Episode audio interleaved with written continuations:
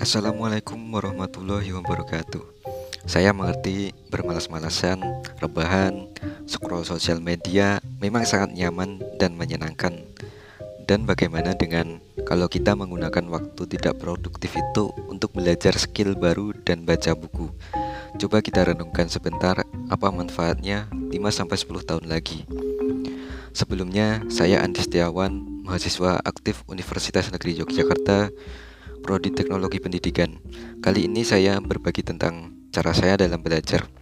Pada semester 5 lalu, saya mendapat IP indeks prestasi 3,9 dan ini cara belajar saya.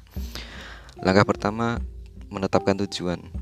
Pertama, saya akan menetapkan tujuan. Saya tuliskan dalam kertas indeks prestasi berapa yang ingin saya dapatkan dalam semester itu. Misalnya semester 6 tujuan IP saya 3,90. Jadi beranilah bermimpi besar dan dan tuliskan mimpi itu dalam kertas. Langkah kedua cermati RPS-nya. Cermati RPS yang diberikan dosen. Kalau dosen tidak memberikan RPS, kita bisa memintanya.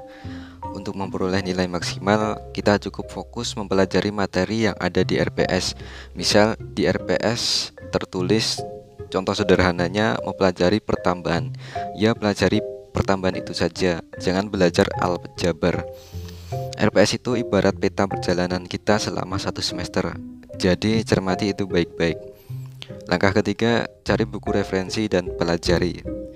Di dalam RPS itu nanti pasti ada buku rekomendasi yang perlu dipelajari selama satu semester. Nah, usahakan baca itu dan dipelajari. Biasanya buku-buku itu sudah ada di perpustakaan kampus, jadi berusahalah meminjam atau membelinya di toko buku. Ini penting karena kadang ada jawaban soal UTS dan UAS dari buku-buku itu. Penting juga untuk mendapatkan materi saat presentasi di kelas. Dan buku yang ada di RPS itu merupakan sumber materi yang jadi acuan dosen selama satu semester. Langkah keempat yang saya lakukan yaitu kumpulkan tugas tepat waktu dan berikan kemampuan terbaik dalam mengerjakan. Mengerjakan tugas saat-saat menjelang deadline sangat tidak efektif menurut saya. Meskipun terkadang 1-3 kali saya juga mengerjakan tugas saat deadline. Dan ini cara saya mengerjakan tugas kuliah biar bisa tepat waktu dan santai. Tips saya, tugas yang diberikan dosen itu kita bagi dalam potongan-potongan kecil.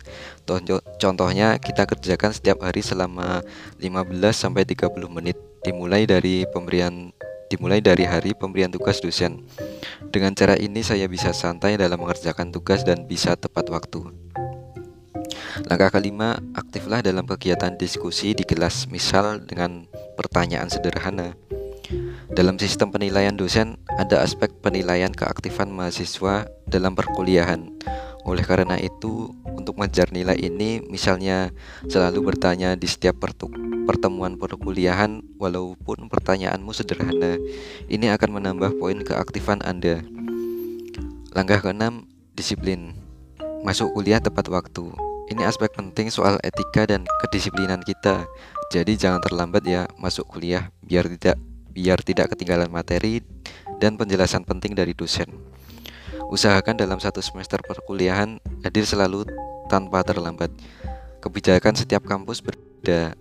Ada yang menghendaki jika tidak hadir kuliah lebih dari empat kali, maka tidak boleh ikut ujian. Maksimalkan kehadiran Anda. Jika bisa, selalu hadirlah dalam setiap pertemuan perkuliahan. Langkah ketujuh, buatlah rangkuman materi di setiap pertemuan kuliah. Saya biasanya mencatat penjelasan yang penting dari dosen di setiap pertemuan perkuliah karena belajar dari pengalaman saya di beberapa semester sebelumnya penjelasan dari dosen itu ada yang menjadi bahan jawaban S dan atau UAS juga berguna untuk meningkatkan pemahaman kita. Langkah ke-8 saya berikan tips mengerjakan UTS dan UAS. Yang pertama, gunakan dasar teori untuk menjawab soal dari buku atau jurnal. Jadi jangan pakai Wikipedia atau blog blogspot atau WordPress itu. Yang B, kalau disuruh mencontohkan sesuatu, lebih baik contohkan suatu hal yang pernah kita alami sebelumnya. Lalu kita elaborasi dengan teori dari buku atau jurnal. Langkah C, berikan kemampuan terbaik Anda dan berdoa serta ridho pada Allah dengan hasilnya nanti diumumkan nilainya. Langkah ke-9 fleksibel. Jadilah fleksibel. Setiap orang tentu memiliki cara belajar sendiri-sendiri, tapi menurut Anthony Robin dalam bukunya Unlimited Power akan lebih mudah jika kita mencontoh orang lain yang telah sukses di bidang yang Anda inginkan. Dengan mencontoh tindakan, pola pikir, serta keyakinan, maka tidak mustahil jika kita bisa memperoleh hasil yang sama.